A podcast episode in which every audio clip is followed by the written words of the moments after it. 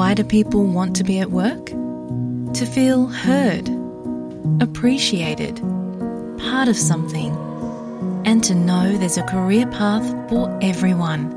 Inclusive workplaces are linked to increased innovation, productivity, and employee satisfaction. Make your organisation a place where people want to be. For inclusion and diversity training, visit inclusion-program.com.au. ඔබ SBS Sinhala ගුවන් විදිලිය සමකෙන් ඔබ SBS Sinhala ගුවන් විතලිය සමගින්. ඊයේ දවසේදී මෙරට දේශපාලනයේ විශේෂිත ආන්දෝලනාත්මක සිදුවීමක් වාර්තා වුණ එතමයි කයින්සන්ත ප්‍රාන්තයේ ප්‍රාන්තනායිකාව ප්‍රාන්තාගමතින ඇනස්ටේෂයා පලාශේ හදිසියම ප්‍රෘතිසාකච්ඡාවක් ඇඳවල තමන් තනතුරින් ඉල්ලා අස්වන බවට නිවේදනය කළා මේක මේ ෂණික තීරණයක් ලෙසින් එලියටාව නිසා බොහෝදිනෙක් පුදුමයට පත් වුණ. ඉතින් අද අපි ඇනස්ටේෂයා පලාශයගේ මේ හදිසි තීරණය සහ කවින්සන්ත ප්‍රාන්තයේ දේශපාලනය පිළිබඳවයි කාලීන තොරතුරු විග්‍රහයෙන් ඔබ වෙත තොරතුරු අරගෙනෙන්නේ. ඔස්ට්‍රලයානු ප්‍රාන්ත දේශපාලනය පිළිබඳව අවධානය යොමු කරද්දි වඩාත්ම වැඩි කාලයක් ප්‍රාන්ත නායක තනතුරේ ප්‍රාන්ත අගමැති තනතුරෙහි කටයුතු කරපු ඇනස්ටේෂයා පලාශේ ක්වීන්ස්ලන්ත ප්‍රාන්තයේ ප්‍රාන්ත අගමැතිනිය ඊයේ දවසේදී හදිසියේම තමන් තනතුරෙන් ඉල්ලා අස්වන බවට මෙලෙසින් නිවේදනය කොට සිටියා. Thank you to the Labor Party, to all of our frontline workers, but most of all, thank you to every single Queensland. Sorry. It's been the greatest on my life, and our best days are well and truly ahead of us.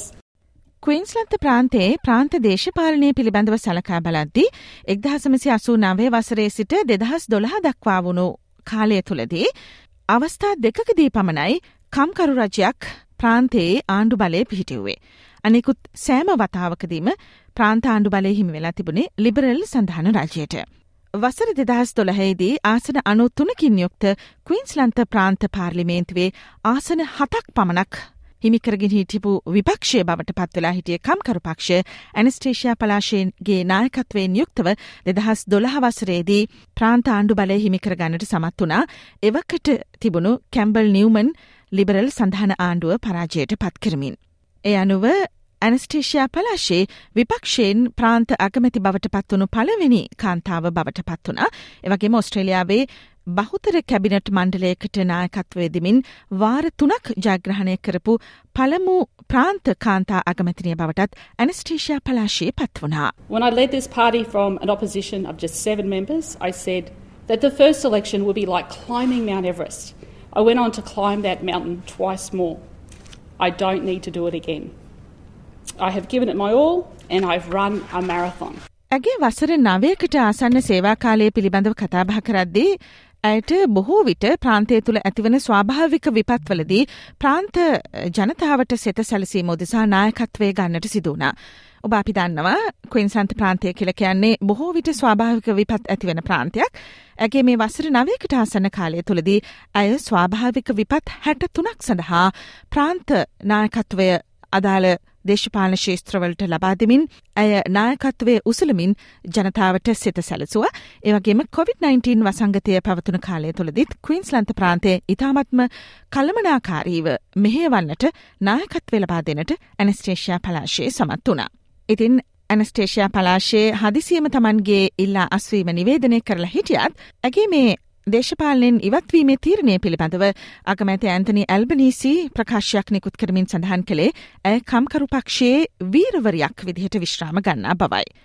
Anastasia පලාශයේ ඊයේ දවසේදී හදිසි ප්‍රෘතිසාකච්ඡාවක් හැඳෝමින් තමන්ගේ මේ ඉල්ලා අස්වීම නිවේදනය කළාට පස්සේ එතන හිටපු මාධ්‍යවේදීන් විමසපු කාරණාවක් තමයි ඇයට පක්ෂ අභ්‍යන්තරය තුළ යම් කිසි වූ පීඩනයක් තිබනද කියලා. එතනදී ඇය ලබාදුන්න පිළිතුර තමයි එහෙම කිසිම පීඩනයක් තමන්ට තිබුණේ නැහැ.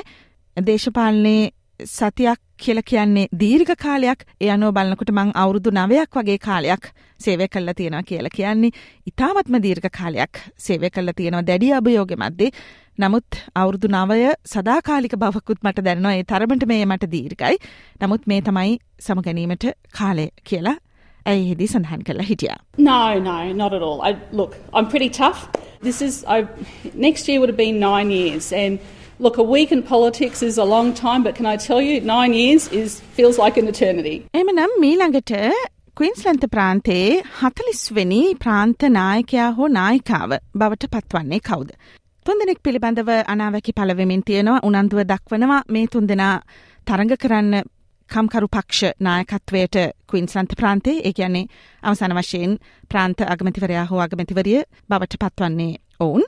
ස්ටීවන් මයිල් ඔබට මතක ඇති කොරුණා කාලේ ප්‍රාන්තයේ නියෝජ්‍ය අගමැතිවරයා විදිහට ඇනස්ටේෂයා පලාශයේ නොමැති අවස්ථාවලදී මාධ්‍ය ඉදිරිට ඇවිල්ලා ප්‍රාන්තයේ කොවිඩ් තත්ත්වය පිළිබඳව පැහැදිලි කරපු බොහොම ප්‍රකට මුහුණක් ස්ටීවන් මයිල්ස් බොහෝ විට මේ තනතුර සඳහා තරග කරන්න ඉඩ තියෙන බවටයි මේ වෙනකොට ක්වීන්ස්ලන්තයෙන් වාර්තාවන්නේ. ඊට අමතරව සෞඛ්‍ය අමාත්‍යවරිය විදිහට කටයුතු කරන ෂැනන් ෆෙන්ටිමන් මේ පිළිබඳ උනන්දුවක් දක්වලා තියෙනවා. ඒ වගේම භාණ්ඩාගාරික කැමරන් ඩික් මේ ප්‍රාන්ත නායකත්වය සඳහා තරග කරන්නට උනන්දුවක් දක්වනවා කියලයි ක්වීන්ස්ලන්ත ප්‍රාන්තයේ පැත්තෙන් අපිට වාර්තා වන්නේ. SBS සිංහල සේවය දෛනිකව ඔබ වෙත ගෙනන කාලීන තොරතුරු දැනගන්න පිවිසන්න අපගේ වෙබ් අඩුවයට slash සිංහල ඉහලින් ඇති මාතෘකා කියන කොටසට පිවිසිලා එතනින් කාලීන කියන වෙබ් පිටුවට පිවසනත් ඔබට එදිනදා අප ඔබට වාර්තා කන කාලීන තොරතුරු දැනගන්න පුළුවන්. එසෙත් නොමතිනම් පිවිසන්න අපගේ ෆස්බුක් පිටුවට SBS Sinhala. SBS SBS SBS SBS SBS SBS Radio